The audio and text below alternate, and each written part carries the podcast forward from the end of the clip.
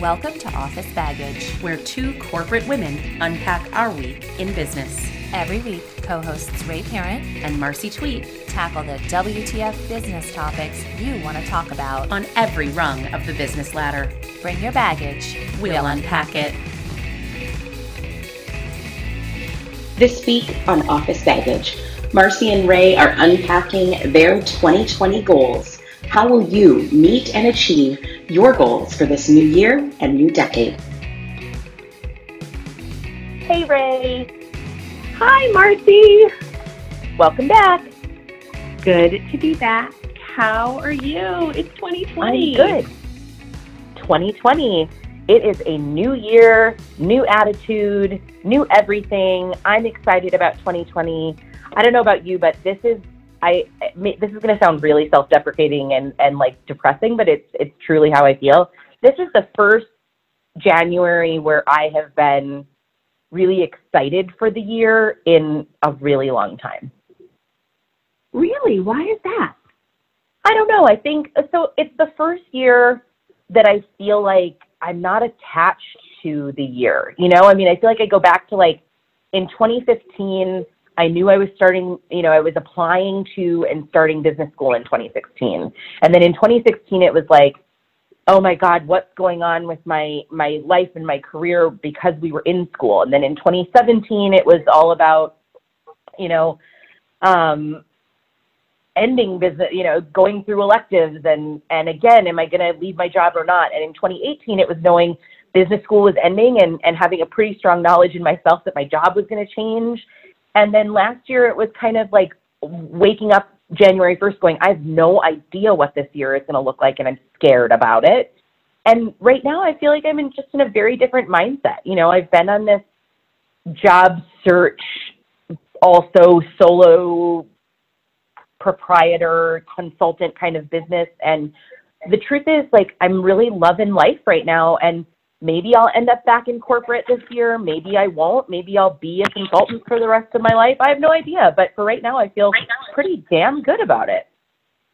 It, it makes me so happy to hear that. I've obviously been with you through business school and through a lot of the last years. Uh, and you've gone through a ton professionally. Yeah. And so to hear you at a place of acceptance, at gratitude for maybe not where two years ago you had planned to be right now, but gratitude for the really cool things that you're doing and yeah. ability to find joy in that and uh, just a little bit of all right i'm going to hustle where i can hustle but i'm going to apply grace in other areas and see what it brings me is just it's it's really great. I'm so happy for you.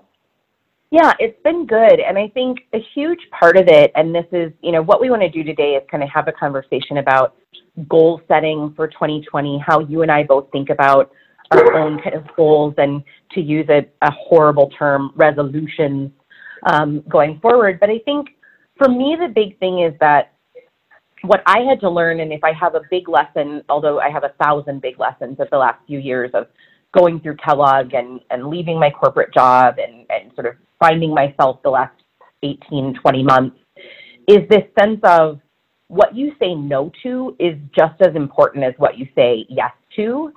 And taking the power in myself and being able to say, I'm only going to look at, I'm so I'm doing so well as a consultant and I'm feeling so good about the clients I have and the work I'm doing, the impact I'm having, I'm only going to look at a corporate job if it like legit checks every box and I feel like I would be so fulfilled and so happy with the impact that I'm making there.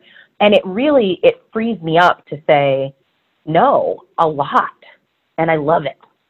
I love what you just said about being willing to say no. I think particularly when we're trying to find our place and trying to achieve dreams or realize something that we thought was perfect for us or whatever whatever we're going through. It's tempting to just say yes to a lot of opportunities to every opportunity. I think that understanding that we've earned the right to be selective about what we say yes to and very strategically saying no is very important.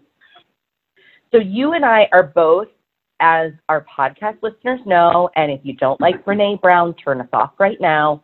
We're both big Brene Brown fans, and I know you spent some time reading Brene Brown over the holiday, and I did as well. So tell me what you read and what you got from it, and I'll tell you what I read and what I got from it, and we can recommend things to our listeners for our Brene Brown 2020 reading exercise. so I read a ton over the holiday. I not only went through the Brene Brown Trinity, but I also read another book that I know is a favorite of yours, Lori Gottlieb's You Should Talk to Someone. Uh, but from the from Love. the Brene, uh, right, right from the Love. Brene, I call it her trilogy. I read um, The Gifts of Imperfection, Daring Greatly, and Rising Strong, and the gifts of imperfection talk about uh, is, is kind of a good tee up as far as I'm concerned um, with regards to understanding the areas where you're not perfect, letting go of the idea of being perfect because it is 100% BS and nobody is. And so many calories are burned um, trying to reinforce that illusion. Uh, Daring Greatly talks about leveraging those imperfections or being fine with those imperfections and taking risks and really advances this concept that she has in her first book around wholehearted living. And the whole wholehearted living thing isn't necessarily my jam, but there's a lot of that that does resonate around being your authentic self and not being apologetic for being your authentic self. Uh, and the one that I find though that's really hitting me hardest is, and and because I'm three quarters of the way through, is Rising Strong. And what Rising Yeah. Strong talks about is, hey, when you are in the arena, as she says, and that of course um, is, you know, from daring to be in the arena, um, you're you're going to get your ass kicked, right? If you if you Right. sign up to dare greatly, you're signing up to fail. She talks about the physics of vulnerability. And the element of that that, that really resonates for me is um, if we're brave enough, often enough, we will fail eventually. These are the physics of vulnerability. And frankly, as I read through that, I really thought about your, not only I thought about a lot about myself, but I thought about your last couple of years. Yeah, I read um, Rising Strong right after I left my corporate job, and it was transformative to me. I should read it again, not in crisis, but reading it at a moment of crisis was really incredible. And actually, this summer, it was a, a huge metaphor for me. I'll, I'll, I'll post the picture in the show notes. When Charlie and I were in Rome, um, we took a tour and we we went down to the floor of the Coliseum. And I told my therapist at the time, I said, I feel like this is a a moment, a watershed moment for me. It was you know, leaving a, a gig that just wasn't working out for me, really going full time on this consulting thing for the back half of the year and saying to myself, I am physically stepping into the arena and I'm I'm gonna let it all go. And and that was incredible. So it was it was a great moment to actually, you know, do the Teddy Roosevelt, Brene Brown step onto the floor of the arena and feel that in yourself kind of thing. The other thing that I think is important to highlight, uh, particularly for someone like you, and you're very vocal about what you go through and the changes, and I, I love the and what works out and what doesn't, and I love that you share that. I think there's so much bravery in that. But one of the things she also says, and I think it's huge, and I have to keep it in mind all the time, is that there are a lot of cheap seats in that arena filled with people who never venture onto the floor. And that's Yes. true. Um, so many times, you know, the reality is people say mean shit. And sometimes the people saying mean shit are, it shocks you who's doing it and who's saying it. And um, I, I think about those moments. I've had those moments myself. Um, and I'm always disappointed. I've gotten to a point in my life where I'm never surprised, but I have to look back and think about each time those have ha- those moments have happened to me, and look at the individual who's been saying things and realize they're doing less than me, not more than me. And so, as I took a moment and really breathed through and thought about that element of the physics of vul- vulnerability, I was like, "That's true. The people talking shit are doing less than you, not more." it's always that way. And partially, I think I've been in that place, and and this was where you know I was I was doing a full time consulting gig earlier this year, that was fun and I learned a lot. It just wasn't a, it wasn't a good fit for me long term. I could have stayed there long term if I wanted to. Wasn't the right the right place. And I remember saying again, I'm and it's funny. I thank you for saying that I'm I'm sharing a lot and being vulnerable because as you know, a few years ago that would not have been true. So yay for growth for Marcy. But I remember saying to my therapist before Charlie and I had gone to Europe last summer, before I had had this whole, I'm, you know, I'm not going to take this full time job with this company. I'm not going to stay here. Um, and I said, you know, but sometimes the cheap seats are really fucking comfortable. And sometimes it's fun to sit in the cheap seats and you don't want to get down on the arena and the arena is hard and it's like, oh, to again go, all right, I'm gonna I'm gonna like put on my Brene Brown and my Teddy Roosevelt and go step into the arena and screw the cheap seats. It's a tough process to get into, and I think that's you know you recognize that there's barriers there for people as well. Yeah, that's true. I was thinking about my move down here, leaving my old job, um, yeah. taking this gig. There's still moments where I look around and say, "Oh, I can't believe I did this." and I I have to I agree with you. The cheap seats are comfortable sometimes, but I'm going to sometimes that because the cheap seat for me would have been staying where I was and I was miserable. Right. So right. I I don't know if it's just that I'm I'm geared to consistently want to move. I don't know if this comes back to my Enneagram 3. Oh my God, we have to talk about how my husband took his first internet quiz yesterday. He's never taken an internet quiz, quiz before, Marcy. He wound up in something where he was like buying life insurance. I'm like, what the fuck are you doing? Like, I don't know. It's asking me about a relaxing day at home or a day at home to myself, and there's pictures of books and tea. like, oh my God, that's funny. But anyway, I, our our podcast listeners know that we're obsessed with the Enneagram. So if you haven't taken it yet, go take it. Ray is a three. I'm an eight. My husband's a you seven, are. and your husband is a one. Oh God. Which is look at I know he doesn't listen to the podcast anymore because he's a busy guy, or maybe because I offend him frequently. I don't know. But like every time I, we read one of those Enneagram and coffee things, I read all of them because I know yeah. people across the spectrum. And I always call Chris a Boy Scout, and I'm always like, oh, I bet he's a one. And I read the ones, and I'm like, oh, that's so annoying. And yes, he is a one. and it was really funny because one of the tenets of being a one is like wanting to be right um, but not necessarily from like a right fighting perspective, but just like wanting to be just and good and do right. the right thing. And I always tell him that. He's like, no, that's not true. That's not true. So I was showing him where it says it on the Enneagram.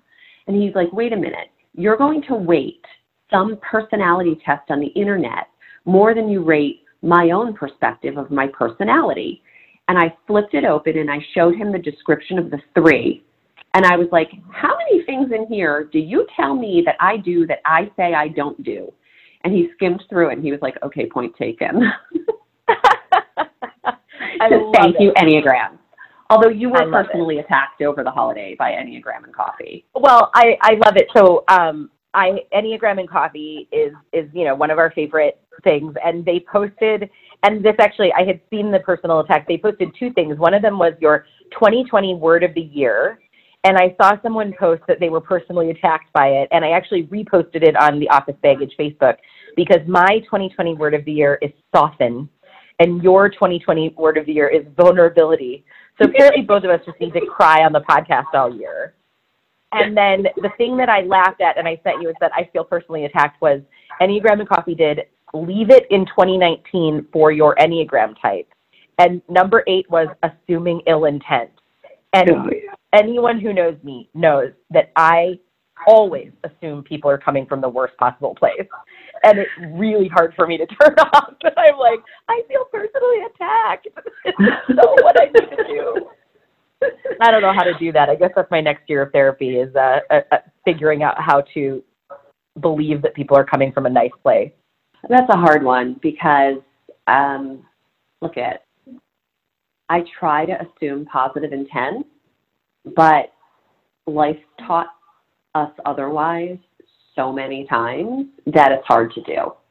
That Right. said, this comes back to the an element of being in the arena and daring greatly. I still choose to trust people and take them at their word. And it's interesting as I onboard into a new company, I have already been burned a couple of times. Not massively, not in a career limiting way, but definitely like, huh, I thought I could trust that person. Clearly, with this little piece of information, uh, they've shown they're not trustworthy. I guess that's where that ends. And I'm glad that I figured it out quickly and I know where I stand versus having it take too terribly long. Sure. I mean, that makes a lot of sense. That makes a lot of sense. And you find that out. I mean, I think that's typical in any new job, but it never sucks any less, right? Right. So I need to talk to you about 2020 and your whatever you're doing, not to say resolutions, but you talked me into some bullshit. And I can't even move today. I can barely move today, so we're in the same camp on that one. So Marcy is like, hey, let's do the cherry blossom. I thought it was 10K. It is not 10K, it's 10 miles. 10 miles. No, I was very drive- clear. That's that's I'm your fault that you don't read my text listening. closely. no, it's great. So we are running with um, some other friends the the Cherry Blossom Race in Washington D.C. in April, and it is a 10 mile. And I am going into this race, and I think everyone else should too. So I I really want to get myself this year back to um, sort of 10 mile half marathon shape. Um, and when I say shape, let me be very, very clear that I have no interest in knowing whether or not I've lost pounds or inches. When I say shape, I mean strength and stability and endurance. Um, so that's my priority for this year. So the 10 mile in DC is, is sort of step number one. And because that race is only three months away, um, I'm not wedding myself to the 10 miles. So they have both a 10 mile and a 5K. I am perfectly fine if we end up running the 5K. Um, I am also running a 10 mile in May that I am hell bent on running. So that one I'm, I'm much more committed to than the early April um, 10 mile. But I have been back in the gym, back running, and all of us have you and me and a couple of other friends are, are doing the same thing, and, and we're all going to get stronger and, and more endurance this year. It's going to be fun. You and I have very different definitions of fun. These are the things that you last year you made me you roped me into trip to to a trip to Florida, um, and now this year I'm roping you into a run in DC. So you know, we Okay, both, I'm we sorry. both find Informal- places to drag each other. Informal podcast poll. What's more fun? Five-ish day trip to Florida on the water at what I think we affectionately re- referred to as the cocaine mansion because it was so like 80s fabulous. yes, or running 10 miles. I mean, seriously. I know I'm going to lose on that. I know I'm going to lose on that one, but still, these are the things we find fun. So it's you know it's I am actually having a good time uh, getting out and running with people. It's been great for meeting folks uh, in this area, which, you know, obviously is something that I'm trying to do. Um, but yeah, I want you to know that as I chuff, chuff, chuff along, I curse your name with every breath. Like, I love it. fucking Marcy, I'm fucking very Marcy happy. every time I'm going up a hill. I'm very happy that you do that, and and I am as well. I'm I'm driving myself crazy. The other day, I have like my in running in general, and this was true when I was running half marathons, and this is true today. My like biggest issue in running is that I come out the gate really hot, and I think like, oh, I can maintain this pace. And then, you know, five minutes in, I'm like dying and gasping for air. And so I've been relearning that process of having to like literally say to yourself, no, you can't run this fast. You've got to do it for the endurance and you've got to be in it for the long haul and all that kind of stuff. And it is freaking hard. It's hard, especially when you're out there running. And look, comparison is something that we all do. And I know I'm the first one to tell people who are comparing themselves to others that you've got to let that shit go. But when I'm chuff, chuff, chuffing along, um, there, I do a trail at a park near me, and it's a relatively hilly trail because the cherry blossom run we're doing is pretty is pretty hilly. Um, when I'm chuff chuff chuffing along at my five minute mile pace or whatever the fuck I'm doing, and an 85 year old passes me like I'm standing still, it's really, really, really hard uh, to not because both of us have that like competitive drive. I Yes. have to just so in addition to fucking Marcy, fucking Marcy, fucking Marcy, I also have they don't know you. They don't know if you're on mile one or you're on mile twenty. They they know nothing about your story and they don't care. Just chuff along. and you're It's laughing everybody on the couch. Like that's the, you know, it's like again, it's the cheap seats versus the arena. Like you're getting out there and doing something and working to get stronger and better at it, and that's great. I will share with everyone. I've been an on and off runner, but there's certainly I certainly consider myself a runner, and I've, I've you know I can put that title on me. My favorite um, running sort of guru is a guy named Scott Jurek. Scott Jurek is an ultra marathoner. Um, he's sort of become famous for running with um, this incredible tribe in Mexico, and he's written some books on barefoot running, etc. But the thing that I take away from Scott Jurek that has been my like north star in running for years is easy, light, smooth, and then fast. And what he says is like you shouldn't first you focus on easy, then you focus on light, then you focus on smooth. And until you master those three things, you shouldn't even consider how fast you're running. And so my mantra while I run is easy, light, smooth, easy, light, smooth. And it's such a, a, a godsend to me on a, on a running mantra. So I give that to you and to our readers or listeners who, who run. Ah, it doesn't sound. It doesn't have the same ring to it as fucking Marcy, fucking Marcy, fucking Marcy. but I'll try it. I know, I love it.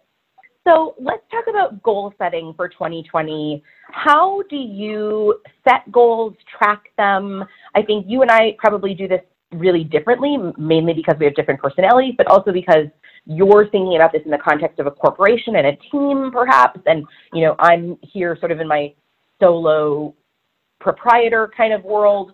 Um, what are your like tips and tricks for our listeners on setting goals, tracking goals, and and being successful in in this sort of new year, new decade kind of world?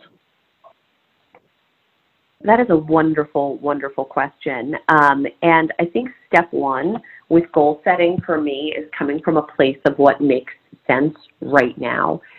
As folks know, I switched jobs about three to four months ago now, and in so doing, I obviously got a new team. The goals that I am tempted to set for my team and what I know that we can do are not going to get us to great in 2020. They're going to get us to good. And the fact that I know that the team as a whole can be great is 100% irrelevant. I need to get, it's almost like what you just said around going from easy, light, smooth to fast. I know that Right. my team can be great. I know that my team can be fast, but I there's somewhere I- I need to move them through light and smooth first, and I need them to understand that they can be great and what they can do. So I need to be very specific with them about what that means relative to the mission that we're creating as an organization. I have the kind of folks that need to be able to benchmark themselves. So I have to figure out not just KPIs, but I need to figure out some softer things that we can measure. I tend to do that through employee engagement surveys and net promoter score surveys with our customers. Both of those work together. I need to make sure that they're doing, that it's not just me measuring them, but they're measuring themselves and they're taking accountability for a good role in that dialogue. And then we, we obviously, you know, try to think about interim chunks for how we do things. So for my team this year, there's a whole spate of technical things that exist across that objective spectrum. But my goal primarily for them for 2020 is getting them to see what I see. And that's a process. But it's very realistic and achievable as I look at it for 2020.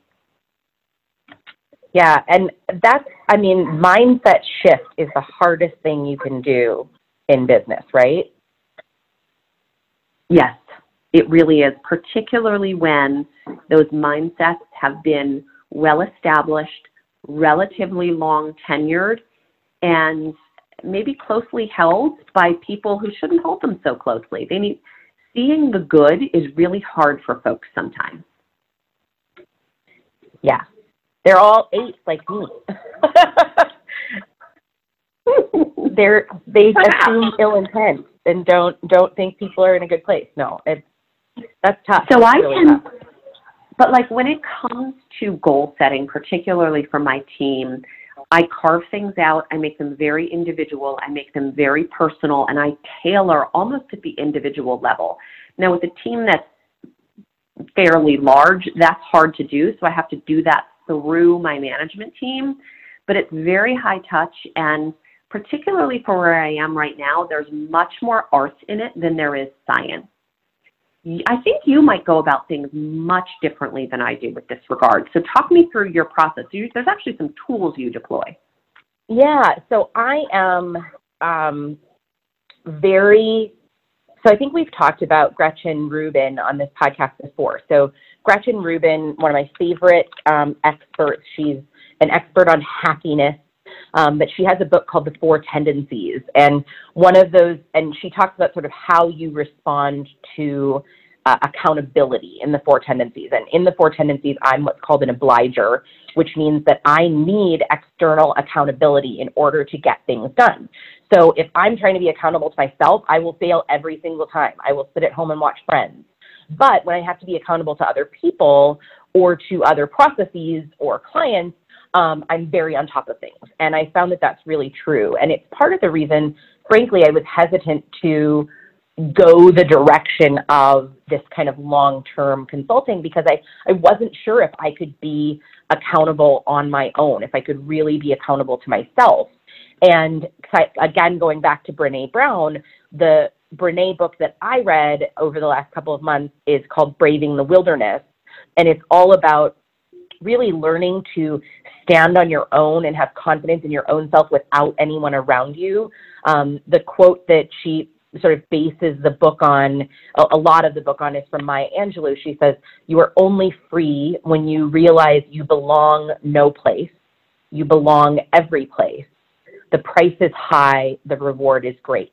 So this idea of you are no one and you are everyone, and, and it's very, you know, it's very like woo woo, but I love it. Um, and the other thing that she says in the book that, that is a quote from one of her old professors is if you can see your path laid out in front of you step by step, then you know it's not your path you make your own path. And those are the kinds of things that I'm trying to kind of think myself through right now of how do I let myself be, but then also recognize that in order for me to be successful, I need accountability. I need external accountability. So what works really strongly for me, and I think, you know, take it or leave it, are really, really good planning mechanisms. So I did a search this year to find the best planners, and I've been employing these for the past six months or so. The system that has truly changed my whole life is a guy named Michael Hyatt has a thing called the Full Focus Planner. And it is a planner that is an everyday kind of to-do list helper. So the actual planner is a physical planner that has a daily page in it that has you lay out what are the three big things you need to do today, what are the other tasks you need to do today, what are your accomplishments for the day, and then every week it has the same thing, a look back and a look forward on what you need to do. And the idea is that you set quarterly goals in this planner and then every week you're checking in on where you are with those goals. So um, that planner has been working so well for me, the full focus planner. And then I have to plug, and I actually, I'm going to plug her, and then I'm going to ask her to be on the podcast because she's a badass. Um, a gal I know in Chicago named Tiffany Louise wrote a planner last year called This Year I Will, a 52 week guided journey to, journal to achieve your goals. And it's really fantastic. It gets to the heart of like, not just what goals do you want to set, but how do your personal values align with those goals? And she takes you through a process of are you setting goals that truly don't align with your personal values? And if you are, how does that work? And it really can't work.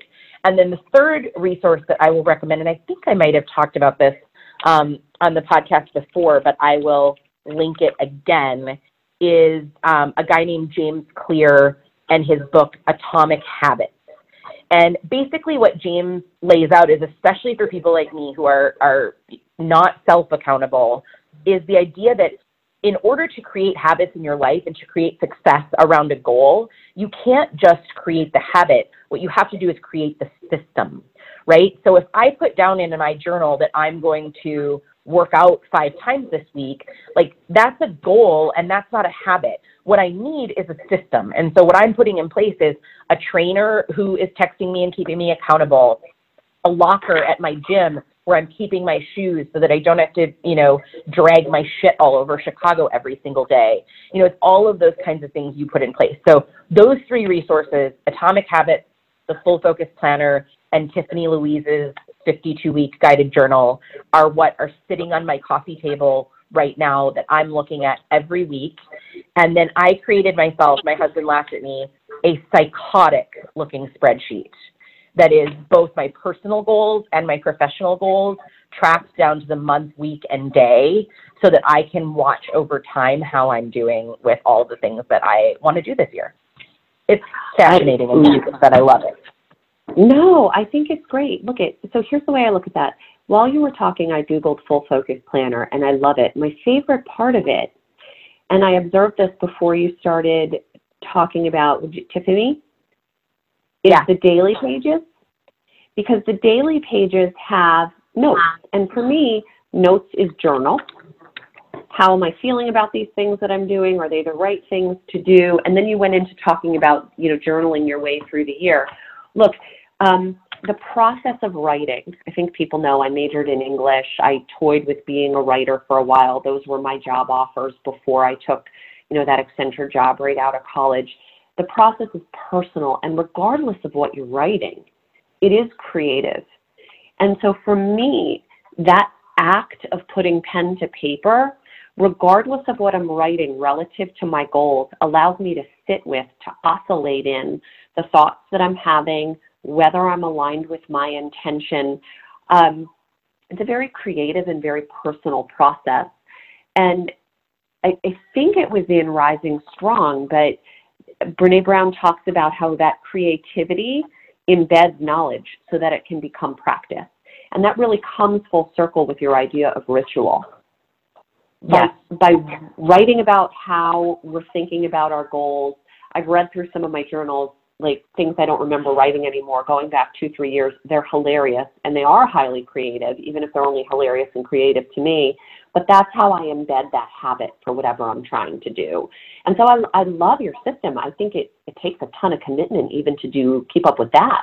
But if it works, it's amazing. It does. And then the thing I'll say, and I, I hope this this works, is I actually put on on my tracking spreadsheet one of my weekly goals is journal slash plan.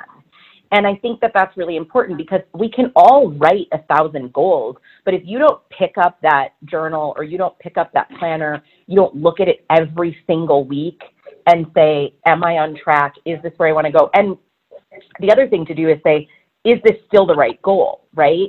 So I yeah. might be setting a goal on the number of clients I want to have this year or the kinds of connections I want to make. And I might find that that's the wrong kind of client for me three months in, and it's okay to change the goals.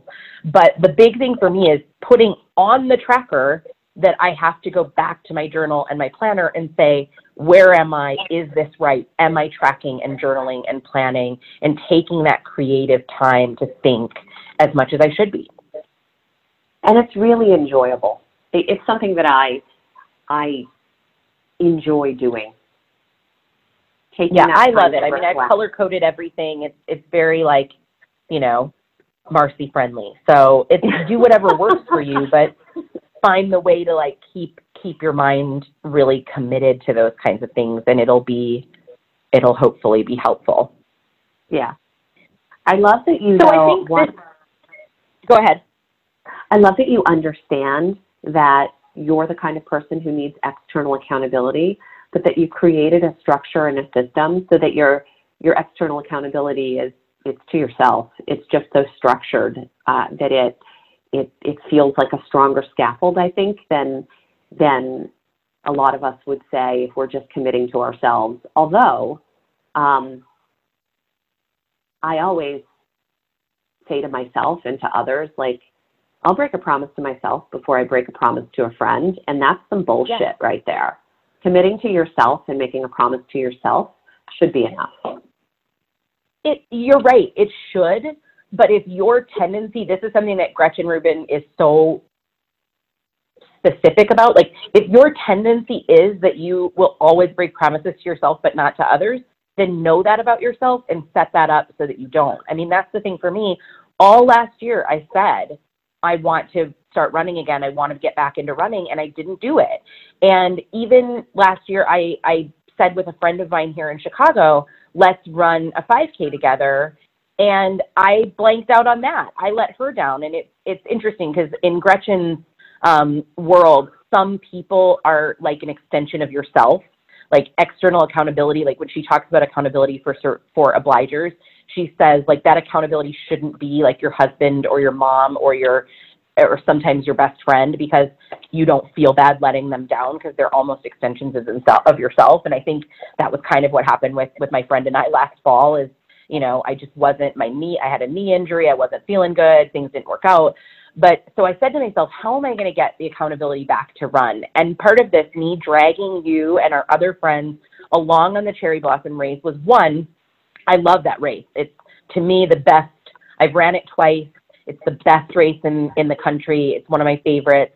Um, two, there's now not just one person holding me accountable, but multiple people holding accountable, and we're traveling to it. So it's like I have to fly there. If I don't actually run it, then you know I've let the whole thing down. And so it's one of those things you have to put the whole system in place. It wasn't enough just to say, "Hey Ray, let's run this race together." It I had to put the whole system of traveling to with a bunch of people as a team. Let's put this together, and then I know I'll be accountable to it. And it's just it's gaming myself in the system, whatever way it goes. I love it. Yeah. I love it. So I think this Because- is a good start to 2020, and hopefully, I would love to hear from our listeners if you have additional thoughts, planners, things that you put in place for 2020. Um, drop us an email or a comment on this post at officebaggage.com and tell us what you think. And maybe we'll do um, another podcast on goal setting and sort of see where we are later in the year. Um, but would love to hear your thoughts and feelings. But good to be back, Ray. And I think we're learning this phone thing. I think we're learning the phone thing. And look, maybe next time we record, we can talk about things that will not be things in 2020 because I texted you the other day. You and I talked about eyelash extensions on the podcast. Those will not be in my 2020, nor will what I texted you the other day. Eyebrow extensions are a thing now. Nope. It's just crazy. It's just like a whole new level of crazy. Stop gluing hair to yourself. So I I laughed because the other day I rewatched. So Netflix, like for some random reason, put up a, an, a season of The Bachelor from like ten years ago, fifteen years ago, um, and it was like one season of The Bachelor. It was Jason Mesnick's season of The Bachelor. I don't know if Netflix is going to keep doing this or whatever, but I watched it, and the thing that I found so hilarious was one how tan all of these women were, and two how thin their eyebrows were. Like, like every one of these women like pencil thin eyebrows. And I'm like, no wonder you need eyebrow extensions. You killed your eyebrows in the early, you know, late 90s and early 2000s. So all the women who lived through that era killing their eyebrows to get them thin are now doing shit like eyebrow extensions.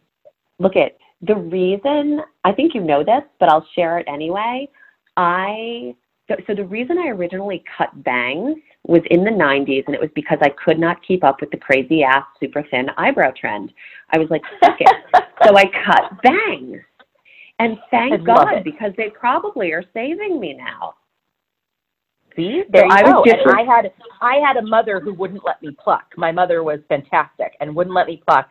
She started taking me to get because I have big bushy eyebrows, and she started to take me to get my brows waxed by a professional Yeah. waxer when I was like 14 years old. So thank you, Kathy, for for doing that for me. And I don't have the eyebrow problem either, but I feel for these So women who have no eyebrows. right? It is it is a problem. I Yeah. uh, was about to give you shit for binge watching The Bachelor on Netflix, but I will I will lean into and own my shame on this. I binge watch binge watched 100% all five seasons of Schitt's Creek over Christmas vacay. I really loves that thing. Oh my God. I watched it so much. You know how I'm a little bit of a natural mimic? I don't even notice it. But after you and I were friends for a while, there were like certain words I started to say with like a North Dakota Yeah, accent. that's true of everybody. Right? So I was actually taking on affectations of a 36 year old gay man at certain points in my day. And Chris was like, You have to stop watching Oh my god, Schitt's Creek. I Look, at, it. I have been obsessed with the pairing of Catherine O'Hara and Eugene Levy since uh, Best in Show, and it's award season, Marcy. So if you haven't watched uh, for your consideration, which is the Christopher Guest mockumentary on um, yeah, yeah, yeah. I have season. seen that. like I, I'm I'm the biggest Christopher Guest fan, but like I've been obsessed with Catherine O'Hara and Eugene Levy since then, and I'm really upset. So season six of Schitt's Creek starts in a couple days, and I'm not comfortable as I sit here and wait for it because I, I miss my people.